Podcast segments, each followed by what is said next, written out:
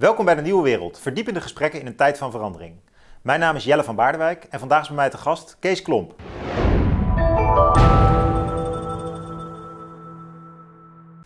Kees, jij bent een ja, vrijdenker, losse intellectueel die nadenkt over wat jij de betekeniseconomie noemt. Je hebt allerlei uh, rollen aan hogescholen, maar sinds kort ben je ook lector en ook lector betekeniseconomie aan de Hogeschool Rotterdam. Ja, ja betekeniseconomie, wat, wat is het nou eigenlijk?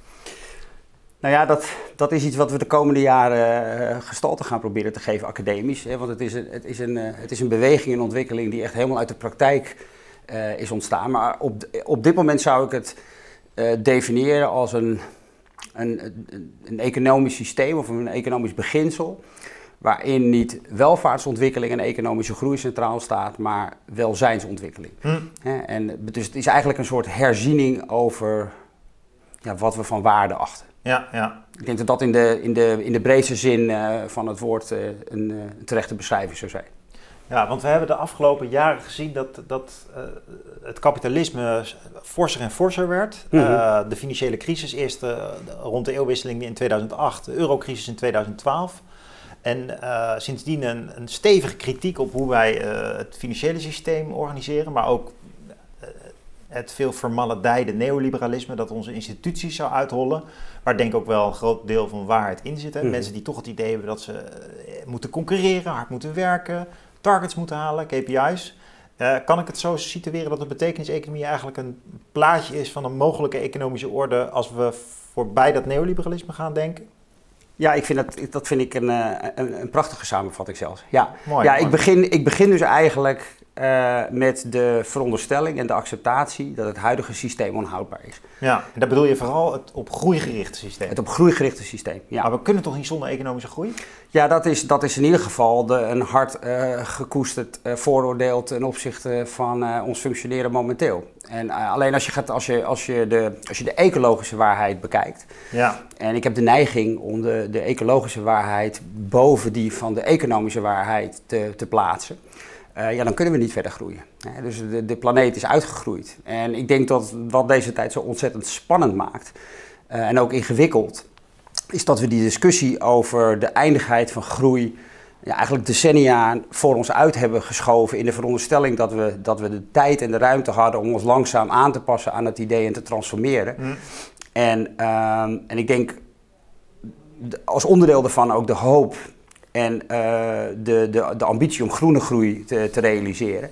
Maar dat we nu eigenlijk tot de conclusie komen dat de, de ineenstorting veroorzaakt door klimaatverandering, en nu ook met biodiversiteitsverlies en de uitputting van de toplaag van de aarde en de luchtverontreiniging, ja, eigenlijk zo snel gaat.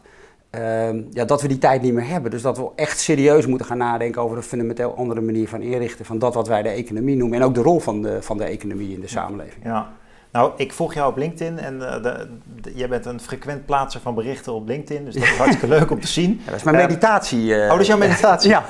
daar, daar, daar vind jij je betekenis. Nou, de, het lastige eraan vind ik, Kees, dat we zitten natuurlijk in een coronacrisis. Ja. En heel veel mensen raken hun werk kwijt. We zien juist een economische krimp. En dan kom jij met het verhaal van we kunnen niet groeien.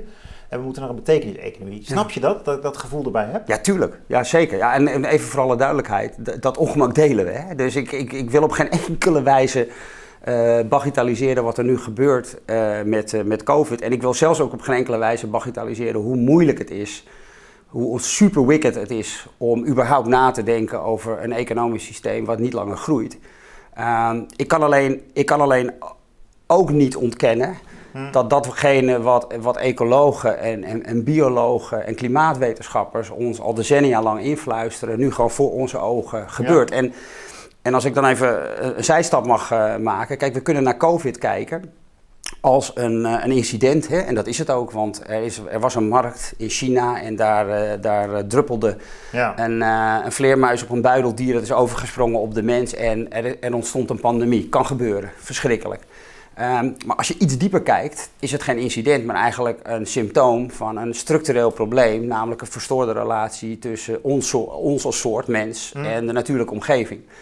En, en als je dat verder trekt, dan denk ik dat we rekening moeten houden met het feit wat nu gebeurt met COVID, namelijk dat onze economie uh, op een onstellend heftige manier in korte tijd ontwricht wordt. Uh, door een externe factor wel eens uh, de nieuwe norm zou kunnen zijn. Hè? Want we zijn ontzettend gewend ja. aan economische recessies en crisis die worden veroorzaakt in het systeem zelf. Dat is een correctiemechanisme, ja. hè? dat zijn we gewend. Ja, dus bubbels in de huizenmarkt die ervoor zorgen en dat er te veel gespeculeerd wordt precies. en vervolgens verdampt dat geld. Precies. En maar, dit, maar dit is een crisis in de natuur zelf. Dit is, een, nou, dit, is een, dit is iets wat de economie platlegt zonder dat het uit de economie zelf komt. Het is eigenlijk een, eigenlijk een heel nieuw soort crisis. Ja. En, en als je dan um, vervolgens ook durft aan te nemen dat de ontwrichting die teweeg gaat worden gebracht door, door klimaatverandering en uh, door biodiversiteitsverlies ja. vele malen groter en ontwrichtender gaat zijn dan datgene wat we nu met COVID meemaken, dan denk ik dat het echt tijd wordt. Mm. Niet alleen maar vanuit een, een, ecologisch idealisme, maar ook vanuit een economisch realisme.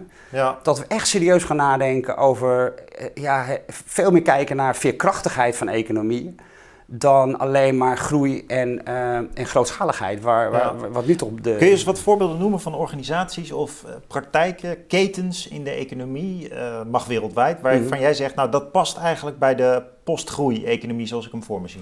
Nou ja, we, we hebben zelfs een, um, een, Nederlandse trots, ik weet niet of je het bedrijf Commonland kent. is een, Commonland? Commonland, ja, van Willem Verbera, is een Nederlandse ondernemer. En wat Commonland doet, is, is eigenlijk gedegenereerd land uh, herstellen. Bodem, dat begint met bodemherstel. Dus uh, Commonland heeft een enorm groot stuk gebied in Andalusia geacquireerd en, en ondertussen ook in Australië. En wat die gebieden met elkaar gemeen hebben, is dat daar door ecologische deprivatie of degeneratie eigenlijk ook een sociaal en economische degradatie heeft plaatsgevonden. Dus het begon met de bodem en omdat de bodem verslechterde...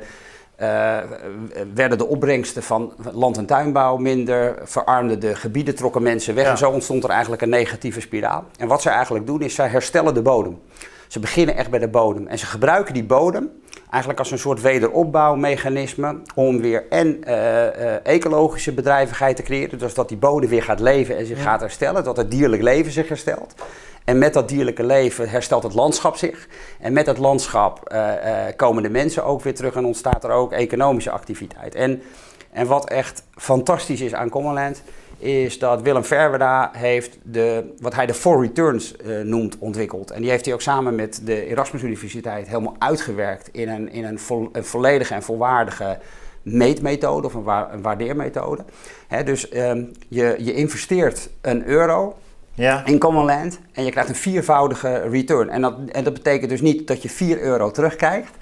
Maar je krijgt, een, uh, je krijgt een return, een financial return. Je krijgt een eco return. Dus je krijgt een, uh, een return in uh, biodiversity profit. Hmm. Je krijgt een social return. En je krijgt wat zij dan noemen een inspiration return. Ja, ja. En wat ontzettend interessant is, hij heeft dat uitgewerkt in één nieuwe waardetaal.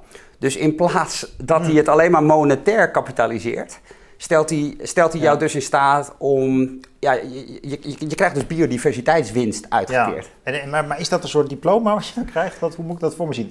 Een soort munten?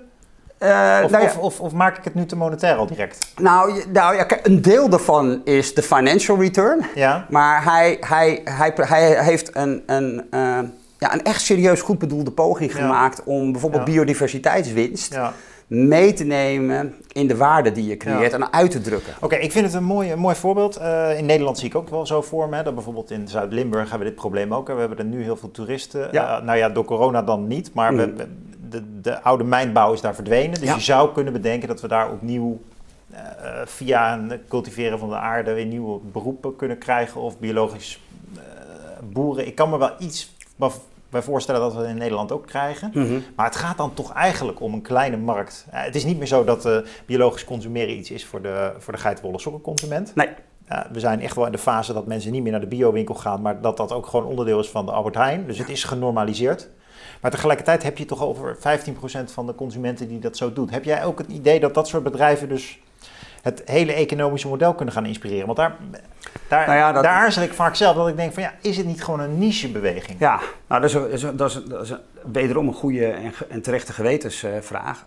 Kijk, wat, je, wat ik meer geloof is, uh, is dat we meer een, een, een, ja, een veel pluriformere uh, opbouw van onze economie uh, krijgen. En, en, en, met veel meer ruimte ook voor bioregionale en, en lokale economieën. Dus we zijn, we, zijn, we zijn toch gewend, in, ook in Nederland, om uiteindelijk alles terug te rekenen naar bruto binnenlands product. En vooral te focussen op de, ja, op de grote gemene delers. En allemaal overigens volstrekt verklaarbaar en, uh, en, uh, en ook goed, volgen, uh, goed volgbaar.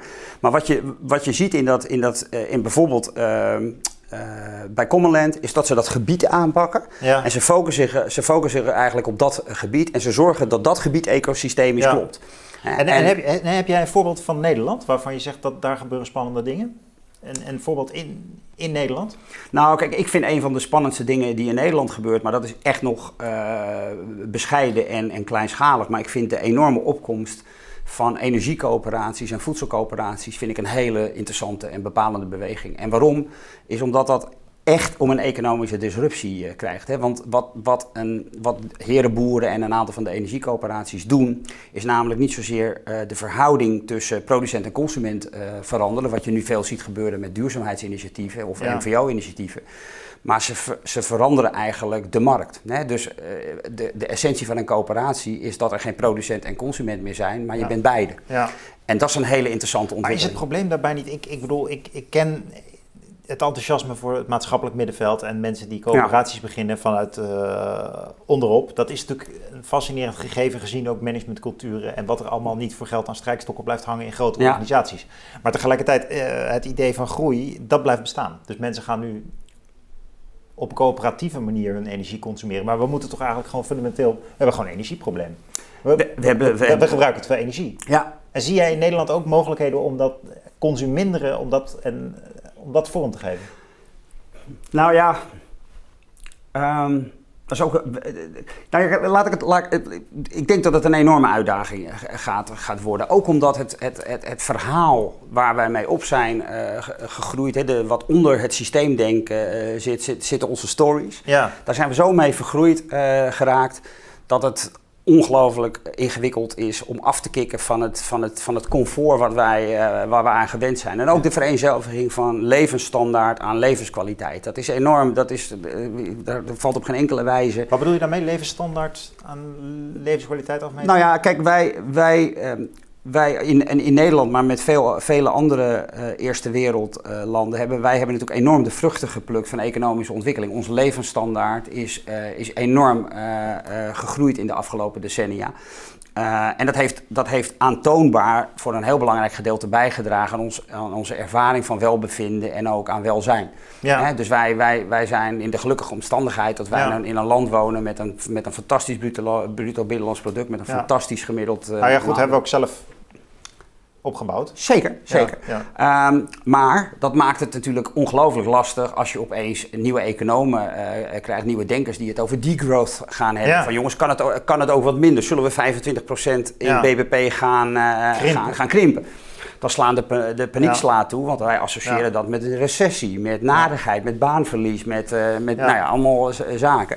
Ehm, Maar dat is zo, dat de facto is dat het toch ook? Dus het is toch ook baanverlies en recessie? Alleen, je kunt het ook uitdrukken in ecologische winst of in sociale winst. Zeker, maar de, de, de, als, je, als je gaat kijken naar eh, eh, degrowth eh, economen zoals Georgos Kallis en, en Jason Hickel en, en, en consorten, die hebben, die feitelijk gaat ehm, degrowth over een, een, radicale herdistributie. Hè? Dus het is, niet, het is niet dat groei ophoudt. Het is alleen dat die veel beter wordt gedistribueerd. Hè? Dus bijvoorbeeld Catherine Trebeck, die ook veel heeft Mm. geschreven over die herallocatie en distributie in haar boek eh, Economics of Arrival, die zegt bijvoorbeeld, ja, er zijn heel veel landen in de wereld waarvoor groei, welvaartsgroei, nog een daadwerkelijke bijdrage levert aan welzijnsvermeerdering. Ja, Maar wij zijn in Nederland een voorbeeld van wat zij een overontwikkeld land noemt. Ja. Dus in Nederland is, heeft het eh, Sociaal Cultureel Planbureau onderzoek naar gedaan en zo'n prachtig boek over geschreven, Kwetsbare Welvaart van Nederland. ja, Daar is gewoon behoorlijk nauwkeurig vastgesteld dat rond 1960, 61 Nederland een overontwikkeld land is geworden. En dat betekent dat sinds 1961 de welvaartsgroei eigenlijk geen bijdrage meer heeft gehad aan welzijn. Sterker nog, de afgelopen paar jaar is, de, wel- is er een welzijnsvermindering heeft Ja. plaatsgevonden. ja, tegelijk, ja tegelijkertijd kun je natuurlijk af... Ja, wat, wat meet je precies? Hè? Het welzijnsniveau neemt niet toe. Nou ja, kijk, dat is, dat, Dus- dat is een interessante... eh, ik, vind je een sympathieke ik vind het een sympathieke duiding. Dus ik wil ook wel meegaan in de duiding van we moeten eigenlijk. Uh, ik spreek zelf wel graag van ingroeien. Ik weet niet wat jij van die term vindt, maar omdat degrowth, ik vind ook het probleem uh, van uh, het ontspoorde kapitalisme is ook deels de globalisering. En dat betekent ook dat het globalisering een eigen taal heeft, een mentaliteit. Ja. Uh, dus laat, een mooi woord. Ja, laat, laten we ook Nederlandse. je, mag, je mag me citeren, ja, ja. ik vind het ook mooi om Nederlandse terminologie te ontwikkelen. Omdat in mijn perspectief, dus die ontspoorde vrije markteconomie ook onderdeel is van het ontsporende proces van globalisering zelf. Ja. En ik denk dat lokalisering en nationalisering ook goed onderdeel van de oplossing kunnen worden. Ja. In ieder geval in deze fase waarin je zegt van we gaan uh, praktijken en economische modellen ontwikkelen, lokaal. Die je vervolgens ook wel weer kunt opschalen en toch weer internationaal kunt verspreiden. Ja. Maar in eerste instantie moeten we denk ik juist begrenzen. Hè? Het begrenzen van groei, maar ook uh, proberen iets van het positieve te bewaren. Dus daarom niet uh, degrowth, maar ingroeien. Ik vind het mooi. Nou, leuk om te horen. En die... is overigens ook wel een, een term die... Uh, hè, want ik, ik, ik, uh, ik doe best veel lezingen en ik geef ook, uh, ik geef ook al geruime tijd les. En dit woord is ook, het is echt fascinerend om, om te zien hoe belangrijk de narratief is. Ja, ja, dat woord is echt, mensen gaan echt ja. hakken in het zat. ja, dat, dat snap ik ook, want we hebben natuurlijk schulden gemaakt. We hebben een, een, een opgeklopte huizenmarkt, mensen hebben studieschulden. Dus als je niet meer groeit, dan kan je ook niet meer uit je schulden nee, nee. Dus, dus, en dat, dat is een andere vraag. Van, denk jij niet dat. Eh, ik vind namelijk, eh, waarom ik jou een interessante figuur vind, is ook omdat jij gewoon, gewoon keihard aan het speculeren bent over de toekomst altijd. En niet zoveel nadenkt over uh, hoe kunnen we nou extrapoleren, maar veel meer van ja, hoe zou het eruit moeten zien. Mhm. En het heeft natuurlijk een gevaar dat het niet meer wetenschappelijk is en deels mm droomachtig wordt. Maar het heeft wel de kans dat je ook een verschiet uh, schetst en dat mensen denken van nou, er zit ook wel wat in. Hè? Maar nou mijn vraag. Is er hier gewoon ook een vette crisis nodig om bij een betekenis-economie te komen? Is, is de overgang van onze goede economie ook corona, maar het is toch nog steeds, als je echt naar een ingroeieconomie wil, dan dat, dat, gaat toch helemaal niet. Dat is een paradigmawisseling. Hoe zie jij dat? Ja, nou, daar, daar, daar, daar raak je denk ik uh, de essentie van. Uh, hey, ik, ik, ben, ik ben nu de laatste hand aan het leggen aan een, aan een, aan een nieuw boek, uh, Thrive, waarin ik een 20, 25 tal van dit soort nieuwe denkers, echt radicaal nieuwe denkers allemaal denkers die voorbij uh, het huidige paradigma uh, beginnen. Kate Raworth, Catherine Trebek, Charles Eisenstein, uh, Helena Norberg, dat soort types. Waaronder ook Joe Brewer. En, en Joe Brewer is, een, houdt zich, is de oprichter van Evonomics, een, een, een website die heel erg de evolutie van economische leer heeft bestudeerd. Ja, en die is, die is daar, die is daar uh, kristalhelder in en ook uh, uh, ja, goed onderbouwd. Die, die zegt, ja, dit, wij, wij, wij koersen rechtstreeks af op een volstrekte collapse. En die is ook nodig. want dat is de enige manier waarop ja, het, het systeem... Ja, en wat, wat, wat is dan die, die, die kracht? Wat, die kracht? Wat, wat, wat stort er dan in, denk jij? Nou ja, de, het, kijk, de, wat, wat instort is denk ik de de illusie dat we ons uit deze crisis kunnen groeien. Hm. Ik denk dat dat uh, de, de, de meest hardnekkige en ook meest pijnlijke uh, uh, assumptie is om los te laten. Kijk, en dat, dat, is, dat, is, ook wel, dat is ook wel aardig waar onze gedachtegoederen elkaar aanvullen. Hè? Want jij bent natuurlijk een ethicus, dus jij benadert, jij bent ontzettend bezig uh, met die menselijke component die ik zie, zoals je weet, als de, de, de eerste golf in de transitie, waarin we nu, en daar zitten we nu in, ja. steeds nadrukkelijker een moreel debat aan het voeren zijn over is dit nu goed of is dit niet goed. Ja. Uh, en, uh, en ik schrijf dat vooral toe aan, aan de millennials. Ik denk dat die daar een belangrijke rol in spelen. Dat er een steeds grotere groep is die daarmee bezig is. Maar ik denk dat de groep die hierna komt, de centennials, Um, waarvan uh, Greta Thunberg uh, niet helemaal voor niks een soort van belichaming is. Ja. Die gaan veel meer denken vanuit um, systeemdenken. Uh, dus die gaan veel meer kijken naar hoe zit het leven nou in elkaar? Wat is, ja. wat, hoe zit het nou? Ja. En, en dan krijg je wat John Fullerton uh, van, een oud topman van JP Morgan en nu, is nu de grote man achter regenerative economics, regeneratieve economie. Hmm. En wat hij prachtig heeft gedaan, waar ik echt heel veel kracht uit putte, en volgens mij is dit ook iets waarin onze, uh, onze denkwijze heel complementair zijn. Die zei van ja, wat interessant is, is wij hebben als mensen hebben wij ethiek nodig. Hè? Dus wij ja. moeten een onderscheid maken tussen goed en niet goed. En daar kunnen we dan ook een debat over voeren. En zeg maar, in de natuur bestaat, uh, bestaat dat niet. Er is geen input en uh, goed en slecht qua input. De natuur de, de natuur kun je waarnemen op output. Hè? Dus hij zegt, er zijn, er zijn twee krachten in de natuur. Er is, een, er is een vernietigende kracht en er is een creërende kracht. Er is Ja. een regeneratieve kracht die creëert, die laat de Ja. natuur groeien en bloeien. Ja, en er is een degeneratieve kracht. Ja. En hij zegt, het is eigenlijk heel simpel, dat we moeten gewoon de natuur observeren en gewoon zien, ja, waar, waar groeit en bloeit de, ene, de, de natuur van? Hè? Dat gaat over thriving. ja. Dat is de leidraad. Maar wat is En, dat thriving? Dat woord gebruik je vaker. Nou ja, thriving is, is ehm, ja, appelleert. Hè, als, je de, als je de Nederlandse woorden voor gaat zoeken, dan is het, is het minder makkelijk. Dan kom je in de hoek van floreren en, Ja. en, en, en bloeien. Ja. Ehm, Ik vind het wel mooiere woorden dan thrive hoor. ja, ik, ik, ik, word persoon, ik vind persoonlijk het woord bloei wel heel mooi. Ja. Naast groei. Hè? Want, eh, want eh, Ja. eh, bloei gaat overigens zit voor, gaat ook nog steeds over groei. Ja, maar een economie van bloeien betekent dus eigenlijk ook dat je in de volgende stap van de kringloop terechtkomt waarin dingen afsterven, Ja, crisis normaal is en dan is er een soort doorstart in die betekeniseconomie. ja En, en, en- Maar ook, maar ook dat er voor levenskwaliteit of levensomstandigheden meer nodig is dan alleen maar eh, levensstandaard. ja. En dat is denk ik ook een belangrijke. En, en nogmaals. Daarmee is- bedoel je dus dat er genoeg geld is om te eten en luxe te leven. Dus voor levenskwaliteit is er meer nodig dan alleen maar een materieel goed leven. Ja, dus wat je ziet bij heel veel van die nieuwe economische denkers is dat ze ontzettend veel inspiratie putten, bijvoorbeeld uit de indigenous peoples, hè? De, de, Ja. de, de natives. Eh, Ja. en, en, en dan schieten wij helemaal in de stress, want dan zien we oervolkeren en dan denken we, Ja. ja, moeten, we, moeten we dan terug naar de jagers-verzamelaars? Ja. Nee. Eh, maar wat je wel ziet, is dat die volkeren de kunst van leven in harmonie met de natuur veel beter begrijpen Ja, dan ja. wij. En daar kunnen we heel veel van leren. Ja. Nou, het En- probleem is natuurlijk dat wij in de moderne leven en de, moderne, de moderniteit als zodanig, die, eh, een proces wat we vanaf de 16e eeuw eh, waarnemen in de filosofie, in de economie, eh, voorbereid dan uiteindelijk de industriële revolutie, economische groei, dat is natuurlijk ook een enorm proces van bevrijding geweest. Daar kunnen we ook heel blij mee zijn. Zeker. Ja, en als ik dan de verhalen hoor over stammen, dan. ja, nee, maar het is natuurlijk ook een vorm van tribalisering. Dat wij dan Ja. dat oerleven gaan eh, verheerlijken. Terwijl Ja. andere waarden van het moderne leven, gelijkheid, eerlijkheid, individuele zelfontplooiing, het floreren in de moderne stad, ja, eh, die horen ook bij die kapitalistische orde. Zeker. En dat is mijn twijfel bij een te grote romantisering van de natuurlijke orde. En eh, in die zin eh hou ik ook, hoor. vast voor een, voor een ineenstorting van het systeem. Ja. Want, want heel veel verworvenheden hangen natuurlijk ook samen met het geld dat we hebben. Zeg iets anders nog, Kees. Ja. Hoe zie jij eigenlijk de rol van de staat en de overheid hierin? Want we zien nu even context. eh, in eh, de COVID-aanpak toch dat de staat behoorlijke mm, invloed kan hebben. eh, dat mensen ook luisteren naar overheidsbeleid. Ja. Eh, dat ze vrij ver kunnen gaan in de reorganisatie van onderwijs, van zorg, van infrastructuur. Dus zie je daar een bepaalde eh, kans voor de overheid of zie jij echt meer een onderopbeweging?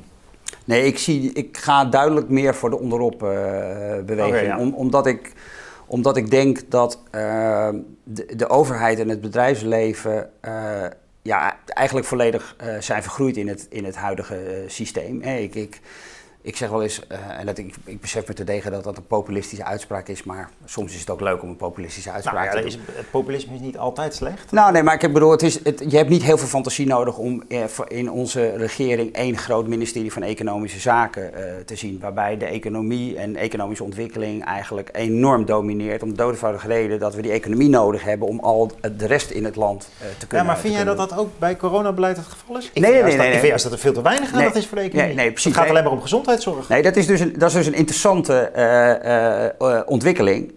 En ehm, eh, ook een ontwikkeling die, die mij in die zin enorm hoopvol stemt. Omdat we in ieder geval met elkaar. We beginnen nu echt. We hebben een morele discussie met elkaar over Ja. wat, is de, wat is de rol van, van economie. En ik vind overigens ook. Wat ik prachtig vind. En ook gelukkig een discussie die steeds chiquer wordt eh, gevoerd, is dat we daar gewoon over kunnen praten met elkaar. Van ja, van, ja wat, is, de- wat is de balans eh, tussen datgene wat we, wat we nu aan het creëren zijn in, eh, in de economie, wat... Ja, dat is gewoon lijden, daar kun je geen ander woord voor bedenken. Dat is gewoon, dat is gewoon kei en keihard. Eh, versus datgene wat er in de, in de zorg eh, ge- gebeurt. Ehm, ik zie alleen niet dezelfde voor, voortvarendheid eh, op dit moment plaatsvinden in klimaatbeleid en in Ja. eh, en biodiversiteit. Die, eigenlijk die betekeniseconomie voor jou, die, eh, die zet je heel erg in de sleutel van de noodzaak van een ecologische omwenteling. Hè? Dat vind Ja. ik interessant. Want je kan ook zeggen, nou, als we nou via de overheid uh, nieuwe markten optuigen, om bijvoorbeeld uh, voorbij die externaliteitendiscussie te komen. Dus voorbeeldje, als je CO2-uitstoot hebt, dan moet je daar gewoon voor gaan betalen. Dat is nu ook al zo. Dan kun je dan uh, die, die, emissie, die emissies kun je zelfs in handelen. Maar dat zouden we kunnen opschroeven. Je kunt een veel serieuzere vermarkting nastreven. Gaat er gebeuren. Die de, die de kringloop-economie verstevigt. En de klassieke groei- en afvaleconomie, de lineaire economie, eigenlijk stevig gaat belasten. Ja. Uh, dat is eigenlijk toch ook wel een mooi perspectief. Hè? Zeker als de overheid dat daadwerkelijk daadkrachtig zou gaan uitvoeren de komende jaren, maar dan ook echt daadkrachtig, ja. dan zou dat die enorme kracht en ineenstorting kunnen uh, voorkomen. Daar ben ik van overtuigd. Nou, misschien hoeft het niet eens. Misschien kan er ook nog wel een kracht en ineenstorting komen. Want kijk, we hebben natuurlijk meer problemen dan alleen de ecologische, bijvoorbeeld een, een, een overgefinancialiseerde economie. Ja. die al voor een ineenstorting zou komen. Ja, bij ongelijkheid zie ik niet 1, 2, 3 de, de, de economische consequenties, maar dat, dat is een ethisch vraagstuk, ja. zeker. Nou ja. Maar hoe zou zo'n, eh, hoe zou zo'n um, heroriëntatie van de economie vanuit de overheid eruit kunnen zien? Wat zou, wat, hoe zou jij dat, stel dat je bij dat ministerie van Economische Zaken wat meer dit zou kunnen inbrengen, zoals nu eigenlijk de gezondheidszorg mhm. maatregelen inbrengt. Welke sectoren zie jij ook als vitaal voor een doorstart in die betekeniseconomie? Omdat ze dus, om mijn term te gebruiken, ingroeien. Ja. Omdat ze thriven. ja. ja. Nou ja, ik denk, dat, ik denk dat er heel veel gebeurt op het gebied van food en agri. En dat dat ook een interessante uh, sector is, omdat het denk ik een sector is waar we en de pijn het, het hardst voelen, omdat daar sociale en ecologische problematiek samenkomt. Hè. Dus, uh, de boeren die moeten stoppen? De boeren die, uh, die volledig verklaarbaar helemaal van het padje zijn als het gaat over het beleid waar ze mee geconfronteerd worden. Waarin ze decennia lang zijn weggestuurd op kwantiteit, op meer produceren voor minder uh, kosten. En, en nu opeens worden geconfronteerd met het feit dat er grenzen aan groei zijn bereikt en ze in één keer hun hele beleidsvoering moeten gaan veranderen. Ik vind dat, ik vind dat volledig verklaarbaar. Maar desondanks zijn die grenzen bereikt. We hebben een CO2-probleem, we hebben te maken met een biodiversiteitsprobleem. En, en ik denk wat deze tijd zo bijzonder maakt, is dat die crisis elkaar echt heel direct beginnen te vinden. Het is niet meer iets van, oh, dit wordt over een, een paar jaar een probleem. Nee, het probleem is in het hier en, eh, en nu. Maar ik denk ook dat dat een gebied is waar we relatief eenvoudig veranderingen kunnen bewerkstelligen. In de zin dat uh, ik denk dat de, de, de land- en tuinbouwsector in Nederland, de veeteltsector, die zijn transformeerbaar. Ja, en die vind jij ook innovatief?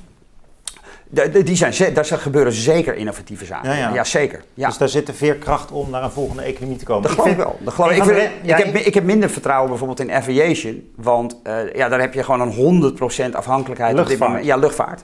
Uh, van uh, fossiele, fossiele industrie en fossiele brandstof. En ja, daar gaat de ontwikkelingen gaan daar eigenlijk veel te langzaam. Want eigenlijk had die industrie al lang aangepast moeten zijn op de, de, de vereisten van deze nieuwe, nieuwe tijd. Dus ik denk dat die het ongelooflijk lastig gaan krijgen. Want als de overheid die taak waar jij het over hebt uit gaat voeren en, en veel heftiger en krachtiger gaat uh, belasten, ja, dan wordt vliegen gewoon een ongelooflijk uh, dure bezigheid. En dan gaat de luchtvaartindustrie niet uit de problemen komen waar ze nu überhaupt al in terecht zijn. Nee, maar de overheid heeft heel wat uh, allocatieproblemen op te lossen, om jouw terminologie te gebruiken. De allocatie bijvoorbeeld, hè, hoe kun je de boeren compenseren? Hoe kun je de uh, de landbouw- en de veeteeltsector eigenlijk op een sympathieke manier uh, laten doorevalueren naar een betekeniseconomie. Ja. En uh, dat geldt voor de luchtvaart nog veel meer. Zeg Kees, tot slot, die term, die betekeniseconomie, zit jij dus in de sleutel van de ecologie eigenlijk.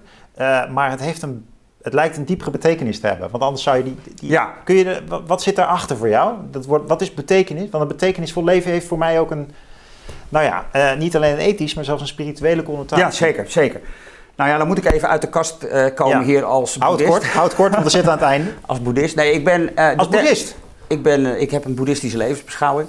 en die term, is, die, die term is in 2006, 2007 in mijn hoofd ontstaan. En, en, en, ik, en, en ik heb jarenlang had ik alleen de term en ik voelde intuïtief, hier, ik, ik kan uitleggen wat ik bedoel aan de hand van deze term, alleen ik kon nog niet uitleggen. Ja. En, uh, en, nu is het, uh, en nu is het ondertussen, uh, nou ja, er is 15 jaar overheen gegaan en kan ik het, kan ik het beter uitleggen. Maar ehm, ja, het, het gaat over het, het snijvlak tussen betekenis en bedoelingen. Ik denk dat dat twee termen zijn die, die hier elkaar tegenkomen, waaruit betekenis een hele subjectieve ervaring is. Hè, die we ervaren als, als zingeving. En uh, inderdaad heb je helemaal uh, gelijk in, dat is, een, uh, dat is een spirituele ervaring. Ik denk dat bedoeling meer een afstandelijke observatie is die veel meer gaat over de invloed die we hebben binnen dat systeem. Van is dit, dus je afvragen, ja. is dit de bedoeling? Ja. versus wat is de betekenis van datgene wat ik doe? En ik denk dat die elkaar beide vinden in de, in de, in de betekeniseconomie. Maar voor mijzelf is het zeker een spirituele uh, aangelegenheid. Ja. Ik vind het wel mooi dat je dat differentieert met die doelen hoor. Dat, ik heb zelf bij veel instituties en bedrijven ook het, de, vraag wel van zo'n KLM bijvoorbeeld. Wat is nou het doel van een luchtvaartmaatschappij? Hè? Wat, wat is nou het doel van al die logistiek? Is dat de hele wereld verbinden? Is dat uh, uh, veel mensen aan de baan helpen? Is dat de economie productiever ja. maken? Want als je op die manier redeneert, dan kun je ook zeggen van is het bijvoorbeeld een extra steun waard, zo'n organisatie, ja. als dat hun doelen zijn. Ja. En, uh, ja, het kan enorm verhelderen om, uh, om elkaar te vinden ook. Dat is ook een belangrijke. Want uh, je kunt, uh, ook als we het hebben over de, de, de, de crisis die er nu is tussen de overheid en de boeren, of tussen de boeren en, en de rest van de supply chain. ik denk dat als je op het moment dat je het over, over bedoeling hebt met elkaar, hè, ja. zou het de bedoeling zijn dat boeren tegen zo laag mogelijke kosten zoveel mogelijk voedsel produceren, waarvan een heel belangrijk gedeelte aan het eind van de keten overblijft als verspilling en vernietigd uh, wordt, is, zou dat de bedoeling zijn? Ja. Dan kun je denk ik veel makkelijker met elkaar uh, ja. uh, common ground vinden. Het probleem is dat in de. Ik ben filosoof ook, hè? en in de filosofie is de betekenisdiscussie oud. Dus bijvoorbeeld. ja, Nietzsche die zegt toch, ja, we leven niet meer in een betekenisvolle wereld. Hmm. Dus ja, de, God is dood en, ja. en, en, nu is alles veroorloofd. Ja. dat is eigenlijk trouwens een, een uitspraak van Dostoevsky uh, in de Gebroeders Karamazov, maar die wordt dan vaak wel aangehaald ook in deze context van het nihilisme. Hmm. Dus als wij ook geestelijk gezien in een cultuur leven waarin we eigenlijk geen betekenis meer zien, ja, dan gaan mensen gewoon maar hun behoeftes uitleven. Ja. Uh, ja. Het inspireren aan jouw werk vind ik in ieder geval, daarom had ik je ook uitgenodigd, dat jij eigenlijk zegt van, nee, maar die betekenis is er gewoon. Hmm. Mensen, mensen die willen dat. Uh, dus die voelen die, die, die beperktheid van die groei. Hmm. En, en, en, en, terwijl in de filosofie is dat eigenlijk al lang losgelaten ook. Hè? Dus, um, en net is wel een, je kan zeggen het is romantiek, het is tribalisering, terug naar de oernatuur. Uh, maar ik vind het ook op een bepaalde manier heel modern, omdat, het, omdat je gewoon ziet dat ook wetenschappelijk gezien het systeem tegen, tegen zichzelf aanbotst. Ja. Er zitten allemaal tegenspraken in, in die groei. Um, en, uh, dus het, dat, dat, is toch uh, heel bijzonder, want tegelijkertijd, ja, die betekenis, ik denk dat heel veel mensen het juist louter subjectief zullen begrijpen.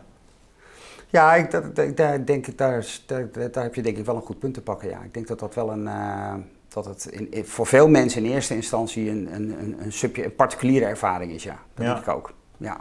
En denk je dat de populariteit nu van het boeddhisme en, en de, de light variant van mindfulness en zo, dat dat ook helpt om gevoeligheid en draagkracht ontwikkelen voor de betekeniseconomie? Of zou dat ook moeten kunnen vanuit een meer christelijk of niet-boeddhistisch perspectief? Nou, ik, wat ik zelf heb gemerkt, hè, ik heb vijf boeken geschreven. Mijn eerste drie boeken heb ik uitgebracht bij een boeddhistische uitgever. Ja. En uh, nou, die, die, hadden, die waren acquired taste, dus daar, daar was ik heel trouw in mijn bronvermelding. Dus uh, dat ging over, ook over de betekeniseconomie en het ging over wat kunnen bedrijven eigenlijk leren van het boeddhisme als het gaat over liefdevolle vriendelijkheid en compassie, wederzijdse afhankelijkheid, allemaal dat soort zaken. En pas toen Business Contact mij uh, benaderde en ik mijn vierde boek schreef, Handboek Betekenis voor Ondernemen, wat een seculier boek was, waar ik het woord Boeddha nergens in noemde toen gebeurde er uh, pas iets. Omdat mensen die woorden ah, compassie en uh, uh, zelfs in het domein van business en economics best konden plaatsen. Alleen de koppeling aan het, aan het boeddhisme vonden veel mensen evangeliserend. En met terugwerkende kracht kan ik me daar volledig in vinden. Zag ik toen nog niet, ik zat er toen nog zo in. Ehm, maar wat ik heel erg merk, is dat als je het hebt over bijvoorbeeld inter zijn of wederzijdse afhankelijkheid daar, daar, hoef, je, daar hoef je geen religieuze, uh, spirituele achtergrond uh, voor te hebben om dat toch te kunnen begrijpen. Hoe relaties met elkaar, uh, hoe wij allemaal met elkaar verbonden zijn, hoe de dingen, hoe, de, ja, hoe, de, hoe je naar dingen, hoe je naar, op een volstrekt andere manier naar dingen kunt kijken door de, de beweging en de relatie in, in dingen te zien in plaats van alleen maar statisch en een, en een object. En, uh, en daar maak ik heel veel gebruik van. En, en dat is iets waarvan ik wel heel nadrukkelijk merk dat het iets is wat, wat, wat speelt en wat ook groeit. Hm. Want als ik, als, ik, als ik dat vergelijk met, laten we zeggen, rond 2010, toen ik ook al met deze materie bezig was, versus nu, dan kan ik echt merken dat de ontvankelijkheid om voorbij uh, ja, de, laten we maar zeggen, de waan van de dag uh, te denken, om echt op zoek te gaan naar dieper liggende uh, vraagstukken en ook antwoorden, Ja, dat herken ik echt 100%. Er is, echt, er is echt veel veranderd.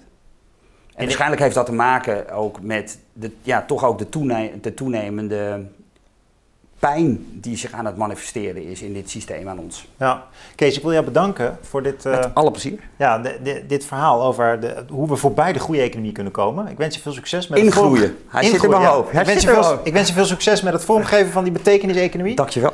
En uh, we spreken. Dankjewel.